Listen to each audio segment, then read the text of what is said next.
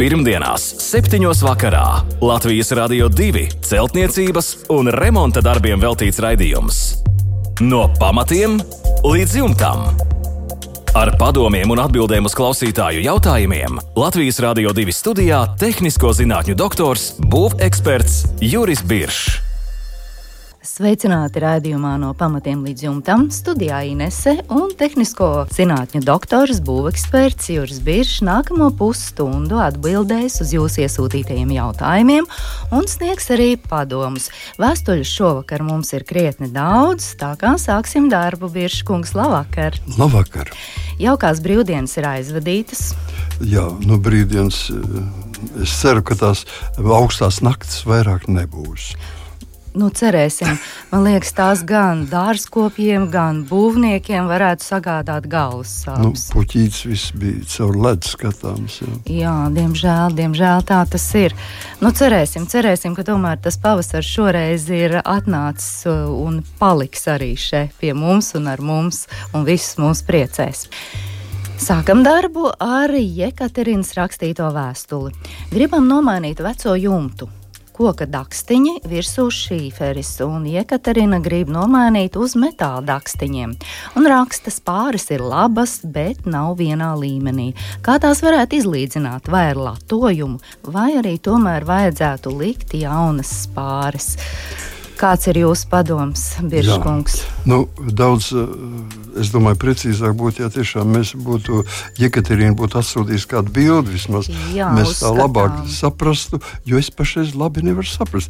Ir, eh, kā jebkuram jūtam, ir spāres, vienalga kādā līmenī, bet ir koka dakstiņi, tātad uz latām koka dakstiņi, virsū šīfers. Tas jau nozīmē, ka ir jau ir praktiski divi jumti jau ir. Ja?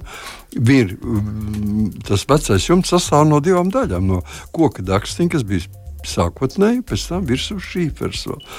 Un kur tad tas? Uh, Ko tā, ka, ja viņi vai tā tiešām tā virsma tik nelīdzena, nu, kaut kā ne, tad liekas, ka apakšā viņi varētu būt nelīdzenas tas, bet tas jau mazāko. Nu, lai tas kā arī nebūtu, es noteikti ieteiktu, ka neko nevajadzētu mainīt. Un, jo vairāk jums ir virsū šīfers, tas nozīmē aizliegtais šīfers, tas ir vecais šīfers, vēl asbests šīfers, kas nav atliekts atļauts putināt un ar kuru ir liels nepatikšanas, kamēr mēs viņu novācam un attiecīgi konservējam un aizvedam uz attiecīgām vietām. Tāpēc var būt tas, ka nedariet neko. Jūs vienkārši viņu varat iesarkofagot, nu, tas sakot, ieslēgt tajā konstrukcijā. Iekļaut, tā kā iekļaut tiešā konstrukcijā. Un tas nozīmē, ka mēs uz virsmas, uz jumta virsmas, tādā pašā virzienā, kā iet jūsu spāres, mēs veidojam latas latas. Un tātad šīs latas iet uz abām pusēm, ja tas ir teiksim, divu slīpju jumts, vai uz vienu pusi, ja tas ir viens slīpju jumts. Un Un tātad, kas mums, mums atliek? Atliek praktiski gaisa sprauga, tātad šī, šī, šīs latas, kas iet uz, virsū uz spāru vietām, mēs varam izvietot ar savu, zinot, cita, citu soli, ja? tā kā jums ir ērti tagad. Un viņas var izlīdzināt, viņas būs ārkārtīgi precīzs viss iekšā.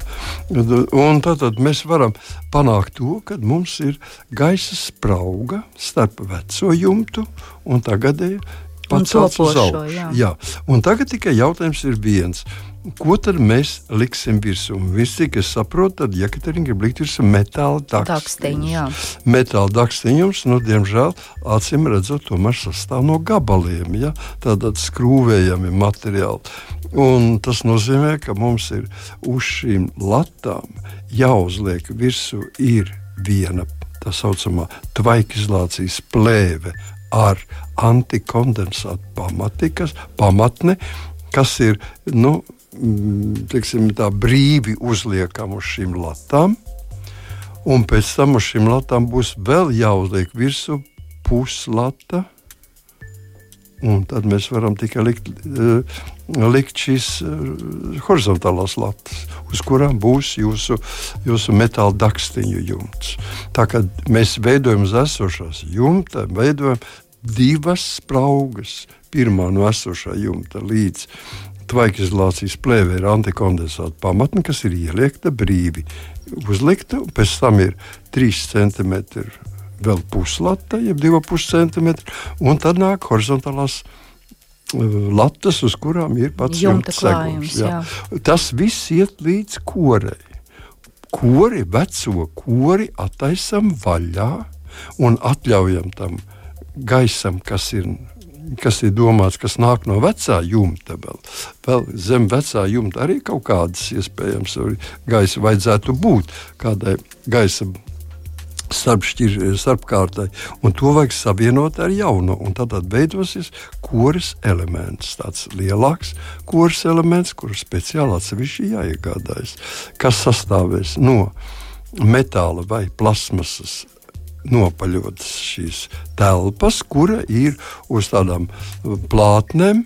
Piestiprināti pie jumta klāta, un zem šīm plātēm atrodas deflektori.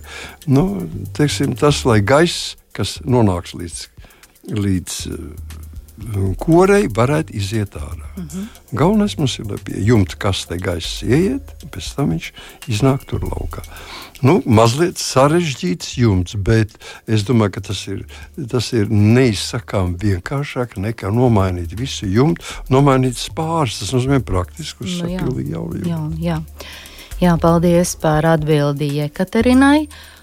Un arī Guntai ir jautājums par jumta seguma maiņu. Mājā ir bituma šindeļu jumts, raksta Gunta, vēlos to nomainīt uz metāla dakstiņu profilu.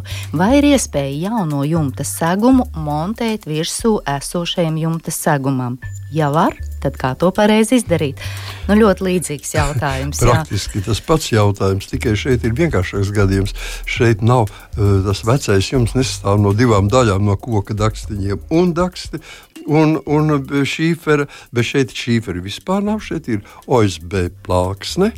Un virs viņa ir bitumēna šindeļa. Mm -hmm. Tātad noteikti, ka var veidot jauno jumtu tieši virsū šādi. Arī gāja tas, tas pats, ko mēs jau iepriekš teicām, tādā pašā virzienā kā iet. Iet spāris, mēs veidojam atkal latas, Un tad viss atkarīgs no montēt, no dakstiņa, no jaunā jumta segmateriāla. Un tad tas atkal ir metāla dakstiņa profils. Ja viņš ir metāla dakstiņa profils kā falsveidīgs, tad pietiktu ar vienu spraugu. Tad tas ja būtu ne, vienkāršāk. Tā būtu vienkāršāk. Bet tā kā viņš ir no gabaliņiem, un tie gabaliņi tiek ar skrūvēm skrūvēti, tas nozīmē, ka savienojuma vietās ies iekšā, iekšā pulverveids sniegs dažas dienas gadā, un tu nekā nevari darīt. Tas nav vēlams, tāpēc ir jāveido mums divas šīs. Tieši tāpat kā pirmajā jautājumā. Pilnīgi tas pats, kas pirmā gada. Atkal visa uzmanības korei. Kore ir jāatstāj vaļā, lai, lai iedarbinātu to, kas tagad darbojas jums. jumts. Kā viņš tur darbojas, viņam vajadzētu iet pie pie dzegām, tātad pie jumta kastē gaisa iekšā un pie kūras ārā. Jau tagad vecajam jumtam tā, tas pats jāsaglabā ar jauno jumtu. Tātad kūri smuki jāatsedz. Es laikam šajā gadījumā pārdomātu un uz falcīti likt jumtu. Tas tiešām būtu vienkāršāk. Jā, no, Gundai un Jekaterinai arī par to jā. vajadzētu padomāt. Tad, jā. tad vienkārši, ja mēs liekam uz falces metālu, tad mums ir tikai viens spraugi. Ja? Tad mēs varam droši likt latu, uz latas virsū šķērslatas, jumta materiāls un praktiski mums ir tikai viena. viena viena plēve. Jā, nu viela pārdomām. Paldies par atbildi. Imantam ir izbalējis metāla dakstiņš. Bija sarkans, palika balts. Virsmā ir polimēra aizsarkārta, ražoti brocēnošie dakstiņi, vai ir atbilstoša krāsa, ar kuru varētu pārkrāsot šos dakstiņus jautāja Imants. Jā, nu šeit ir. Es domāju, par cik uh, ražotājs atrodas Latvijā, tad viņš ir dzīves un vesels. Tad pirmkārt vajadzētu painteresēties, vai viņam ir oriģināla krāsas, kuras varētu pielietot, un tas nemaz nav tālu kaut kur braucēnos.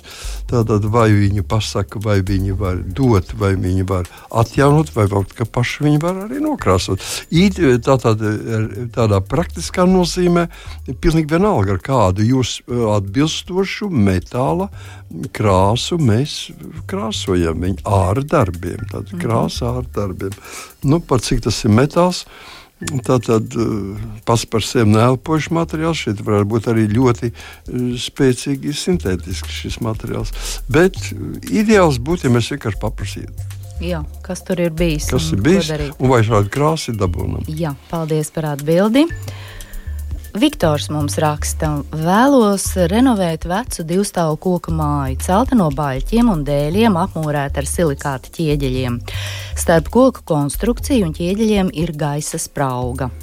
Mājai ir gāzbetona piebūve, otrais stāvs no koka brusām un OSB apšuvuma. Mājai nav siltinājuma, ziemā ir augsta.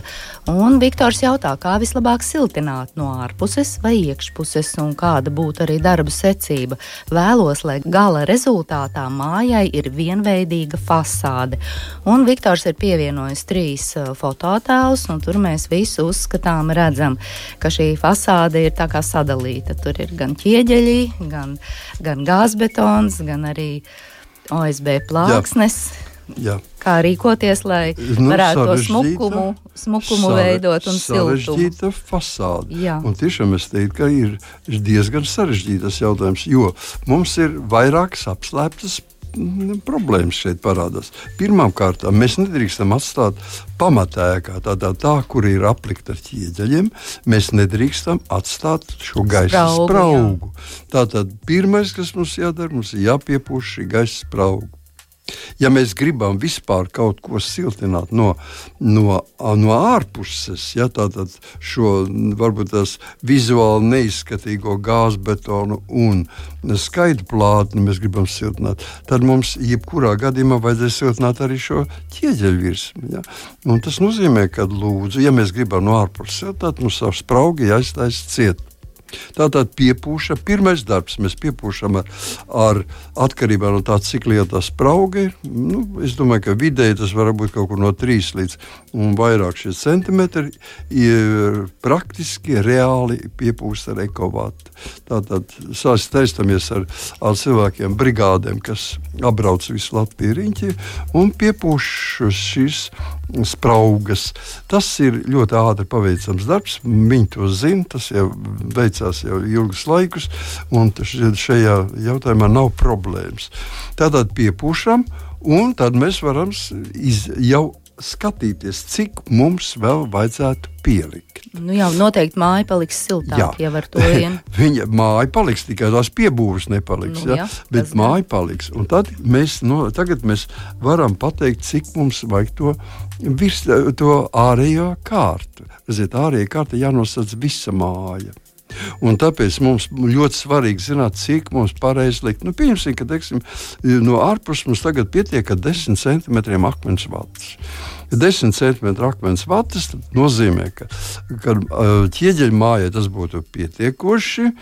Gāzbetonam, nu, es domāju, gan drīz vai pietiekoši, no nu, koka šai augšējai daļai absolūti nepietiekoši.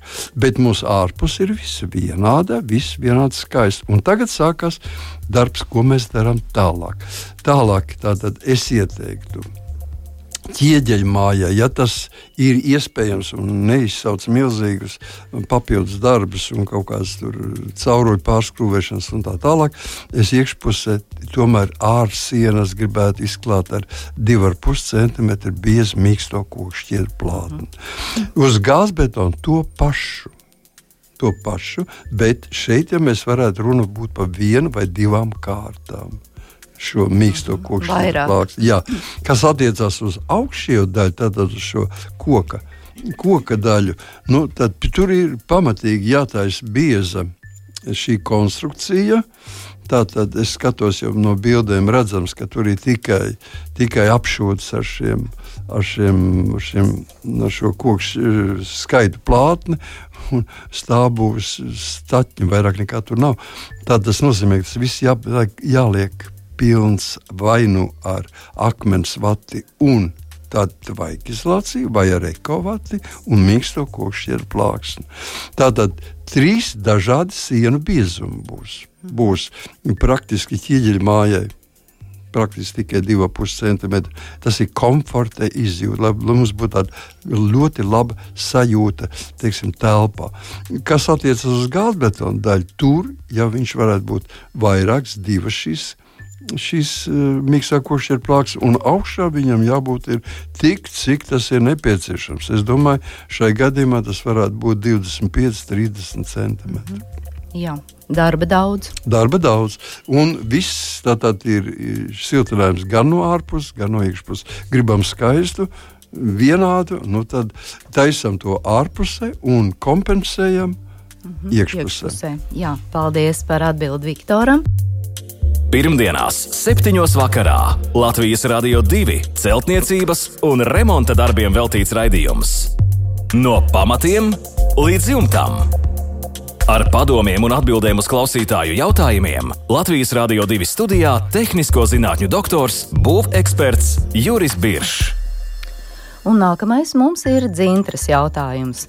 Kādus jūs redzat plusus un mīnusus, ja mājas karkas tiek pilnībā izlietas no betona, tā izskaitā arī jumts? Paredzamās mājas platība ir 130 km2, un māja būs tāda šķūņa veida tipa. Jā, nu, es nedomāju, ka tas ir kaut kas tāds īpašs. Tas jau praktiski, godīgi sakot, tagadējās mājas, ko jaunas būvē, jau ir tādas, ir. Tikai viņas nu, ne, nav, nav izlietas vienā reizē, tā sakot, vai teiksim, visā pilnībā bez šuvēm, bet viņas ir saliktas no nu, dzelzbetona. Kāda starpība nav nekāda. Tāda dzelzbetona konstrukcija. Dzi jā, mēs dzīvojam vienkārši dzelzbetonu laikmetā laikmetā jau un dzīvojam dzelbetonu. Uh, sienas, grīda, tātad, griezti, viss ir no dzelbetona.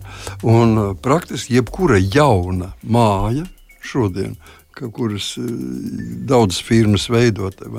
Šīs mājas, viņas lielākoties tādas arī ir. Mēs vienkārši tā neiedomājamies. Mums liekas, ka varbūt ne tā.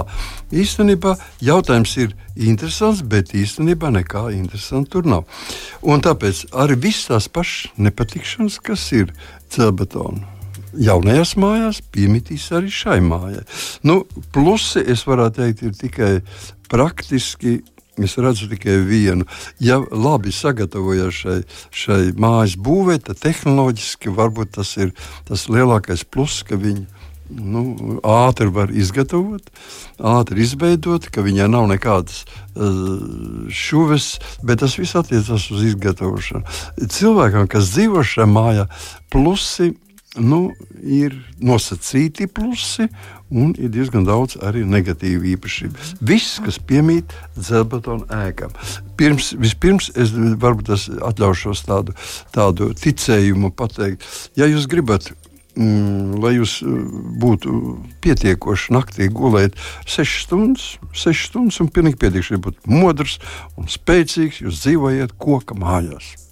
Ja jūs atļaujaties dzīvot ķieģeļu mājās, nu, tad jums sīk bloku mājās, tad jums jau tā, tas miegs jāpagarina līdz astoņām stundām. Un tad es nezinu, arī visi vēl kā jutīsies. Ja cilvēks dzīvo dzelzbetona mājās, viņš parasti pēc desmit stundām knapi, knapi nu, tiek līdz vansistabai un nomazgā sev acis. Ja? Tātad tam ir kaut kāda ticējumam, ir kaut kāda, kaut kāda nozīme. Es negribu tāpēc uh, sabaidīt jūs absolūti. Ne. Katrs cilvēks jūtas savādāk, bet tomēr gāz, tas ir dzelbetonā ir savs. Pirmkārt, tas ir dzelbetons. Tātad tas ir betons, ko, metāla rāmi, metāla uh, stiegrojums, sieti, režģi, un kas aplikti visi pildīti ar betonu. Nu, tad jūs savā ziņā dzīvojat tādā Faradeja rāmī, ja, Faradeja būrī dzīvojat. Uh, būs uh, zināmas problēmas ar internetu, varbūt ar, ar mobilo telefonu. Nu, bet viss atkarīgs no tā, cik jums plaši logi. Jā, jā un ko jūs liekat iekšā. Un otrs jautājums, kas ir neskatoties uz to, ka dzelzbetons ir elpojošs tomēr, materiāls, tomēr vajadzētu maksimālu uzmanību vērst uz ventilācijas problēmu. Tātad vai nu jaunā mājā ir jā, jāveido stacionārs mm, tātad, šī gaisa apmaiņas process, viņam jānotiek automātiski, vai arī viņu veido. Nu, teiksim, ja viņš ir izgatavots un tam līdzīgi, un nav mums, tad mēs veidojam to caur speciālām ierīcēm, kuras parasti ievieto vai nu logos, vai sienās. Es ieteiktu no savas puses logos. Un, un tad mēs varam šādas automātiski darbojošas, kas darbojas uz mitruma principiem, varam katrā istabā nodrošināt ventilāciju. Jā, paldies par atbildi Zintrai. Ļoti izsmeļoši. Turpinām ar Rolanda jautājumiem. Starpstāvu koka pārsegums biezums 190 līdz 220 mm. Vēlos izveidot silto grīdu uz esošā starpstāvu pārseguma. Kādi šādai idejai būtu labākie risinājumi? Un Rolands jau piedāvā savu variantu. Dēļu klāja slānis, tvaika plēve, izlīdzinošais slānis no 70 līdz 100 mm, amortizējošā lenta pa konstrukciju perimetru, tad silto grīdu foliju plēve, šūju vietas aizlīmētas, stiegrojums siets, pie kura piestiprina silto grīdu caurules un 60 līdz 80 mm eštrīta betona slānis. Un vēl viens jautājums arī ir pievienots Rolandam. Um, kādā augstumā nepieciešams nogriezt šo amortizējošo lentu pa perimetru, un vai lenta ir nepieciešams arī pielīmēt pie sienas vai vienkārši nogriezt parketa augstumā. Nu, šāds variants ir ieplānots, jā. ko jūs teiksiet, jā. vai viss pareizi, vai to tā nu, var realizēt. Varbūt tas un ir fototēls jā, arī mums. Es, uzskatāms. es saprotu, ir arī fototēls, bet uh, Es tomēr gribētu teikt, sākt no, paš, no pašām beigām, lai tur mēs neaizmirstu vēlāk. Tātad amortizējošā lente vienmēr jāliek ir starp kaut kādiem betonējumiem un esošām sienām. Un viņu parasti nelīmē klāt. Viņu var pie, piestiprināt ar līmlentu vietām, lai viņi turētos. Viņu piespiež e, šī grīdas konstrukcija, šis betons piespiež klāt. Tas nozīmē, ka viņu nogriezīs tiešām pa perimetru, nogriezt tik kur nu, viņš parādās pie šīs um, nepieciešamajā augstumā. Ja? Nekādas īpašas padarīšanas tur nevajag vairāk. Skaidrs, Tad, par šo pīrāgu. Jā. jā, un tagad mazliet par to, par to mm, grīdas koka pārsegumu un ko veidot. Es teiktu, tā, ka e, šis e, sastāvs, ko jau Rolands ir nosaucis, acīm redzot, viņš der milzīgas, e, jo milzīgs šķērsgezuma esošais bija 190, 220. Nu, vispār tie, tie tās, tās, nu, tās sijas ir, ir diezgan iespaidīgas. Nu, Acīm redzot, šāda konstrukcija varētu būt. Neaizmirsīsim, ka pastāv tomēr riski. Un risks vienmēr ir šie, vot, kur mēs veidosim šo, šo mm, silto grīdu veidosim. Ja, tā ir cauruļu sistēma, pa kurām cirkulēs attiecīgais darba šķidrums. Tas ir šķidrums. Mēs nekad neesam, mums vienmēr ir iespējas vai viņam pārplīst, vai vēsties sūcē, vai savienojuma vietā kaut kur. Un tad mums būs diezgan slikti ar visu savu pārsegumu. Es ieteiktu saskaitīt lūk šo, ko jau Rolands ir izveidojis šo saskaitīt finansiāli, cik tas maksā viens kvadrātmetrs, un salīdzināt viņu ar, teiksim, ja mēs liktu virsū tikai uz, uz uh, šiem grīdas atstāt tikai sijas, vairāk neko, un uz sijām liekam virsū bezdalīgi astes profilu no skārda, kas ir nu, 18 mm spiests tikai. Mm -hmm. Nevis skārts, skārts jau plānāks, bet viņš, ir, viņš nav rullējams materiāls, tas ir gabala materiāls, kur var, var pirkt attiecīgi tik liels, cik ir šis gabals, un izklāt uz, uz šīm sijām visas istabas platībā. Ja? Un uz šīs bezdalīgas astes profila mēs varam veidot tātad likt iekšā starp, var, viņš ir tā, profils, viņam ir bezlīgas veids, viņam ir brīvi liekams, viņš ir uz sijām, viņš tur negulē, tur būs pietiekoši gaisam, ko ventilēties. Tālāk mēs varam betonēt viņu ar 20 mm vēl betonu klāt. Tas ir kopā tikai 38 mm, un jums jau ir betona plātne ar praktiski visu var ielikt šeit iekšā arī, arī šo siltinājumu. Var ielikt siltinājumu, pēc tam uzliekam virsmu um, caurulītes. Un es teiktu, ka varbūt, ja tas tikai ir dabūnāms, parasti viņu, viņu būvmateriālu veikalos vai jāpasūta šie bezdelīgi astes profili. Viņi nāk no polijas lielākoties, un tad mēs viņus pasūtām nelielāku profilu nekā 18 mm tikai. Un Vajag salīdzināt, kas ir lētāks. Kas ir izdevīgāks? Kas ir jā. izdevīgāks? Un tādā gadījumā, ja stāties priekš mums ir, dzel, mums ir dzelzs pārklājums uz sijām, izdalīts, viss tas smagums ir sadalīts uz, uz lielas platības. Mēs varam ne tikai tur izveidot šo silto grīdu, mēs varam veidot arī vannas istabām, milzīgām vannām un tā tālāk. Mhm. Jā, paldies! No pamatiem līdz jumtam! Un vēl viens jautājums ir Rolandam. Ēkas cokola siltināšana. Cik dziļi būtu jāatroka? Un darba plāns ir šāds. Notīra ēkas cokola daļu, aizdarina cokola daļas caurumus, eh, tad ielēja bitumena vertikālo hidroizolāciju un 100 mm biezu ekstrudēto putu polisterolu, stiegrojumu sietu, stiegrojumu kārtu un tad dekoratīvais apmetums un visu aizroka ciet vai tā ir pareizi darīt, un vēl ar ko aizdarīt šos caurumus, izdrupušo cokolu daļu? Nu, es teiktu, ka darīt jau visu var. Bet vai Panas, vajag? Bet vai vajag jautājums? Milzīgie finansiālie zaudējumi, kuri praktiski nav vajadzīgi. Bet iesāksim ar šo. Man ir atsūtīta bilde, un es redzu divus logus, es redzu ēkas ārsienu un arī cokolu. Un šī ārsiena, kas ir siltināta, tas ir redzams, ka viņi ir siltināti, bet šī ārsiena jau ir zaļganā krāsā. Tātad viņa ir. Kāpēc? Jautājums, jautājums ļoti vienkārši. Lai Rolands paliek roku apakšā un patausta to, kur beidzās viņa ēkas sienas siltinājums un sākās cokols. Apakšā ir šis cokola profils. Un cokola profils Rolandā jūsu gadījumā ir bez atverēm. Viņš nav, nav perforēts. Viņam jābūt trijās rindās vai divās rindās perforētam, lai kondensāts, kas veidosies siltumizolācijas materiālā, varētu brīvi iztecēt ārā. Viņš netek ārā, viņš paliek uh, šajā siltumizolācijas slānī un redziet, kas notiek. Viņš cenšas iziet ārā uz āru caur apmetumu un veido mitru ilgu laiku mitrumu, tur ir brīnišķīgi apstākļi, lai veidotos aļģes un pelējums.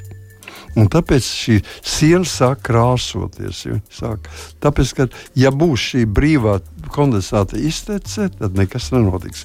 Kas attiecas uz cokolu, tad nu, es teiktu, es nekad, ne, pirmkārt, cokols ir maziņš šeit, apmēram nu, centimetri 20, ne vairāk laikam, cik es redzu. Un, un šai gadījumā viņu siltināt, nu, ja mājā nav īpaši pagrabi, īpaši siltinājumi, es neredzu nepieciešamības viņu siltināt vispār. Bet, ja nu gribam, tad lūdzu to varam izdarīt ar mazu dzegas, dzegas skārdu kāda jumtiņa. Jā, jumtiņu nelielu, un mēs varam šo siltinājumu veidot, bet ne vairāk kā 10 cm zem grunts, ne vairāk. Un, ja mēs gribam veidot vertikālo hidroizolāciju, tad tas ir galīgi garām šai gadījumā. Mums ir vienkārši jātaisa ir mm, vertikālā drenāža. Tas nozīmē telpiska geomembrāna. Tā saucamā tauta sauc pumpainā un pumpainā membrāna. To mēs liekam pie sienas un virsū. Ja tātad viņai, viņai virsū ir šis siltinājums mazā kārtiņa, 10 cm zem grunts. Mhm. Praktiski viss. Jā, paldies par atbildi. Līdz ar to šovakar mūsu raidījums tuvojas izskaņai. Atgādināšu vēl e-pasta adresi remonds at lr2.lv. Sūtiet jautājumus būvekspertam, pievienojiet fotoattēlus un jau tuvāko raidījumu laikā noteikti saņemsiet atbildi. Jautājumus varat iesūtīt arī caur mūsu Latvijas Radio 2 mājaslapu un esam arī populārākajās raidierakstu straumēšanas vietnēs. Šovakar paldies par kopā būšanu, lai jums jauks, silts, mierīgs vakars un tiekamies pēc nedēļas. Visu labu! Pirmdienās, 7. vakarā Latvijas Rādio 2 celtniecības un remonta darbiem veltīts raidījums. No pamatiem līdz jumtam. Ar padomiem un atbildēm uz klausītāju jautājumiem Latvijas Rādio 2 studijā - tehnisko zinātņu doktors, būveksperts Juris Biršs.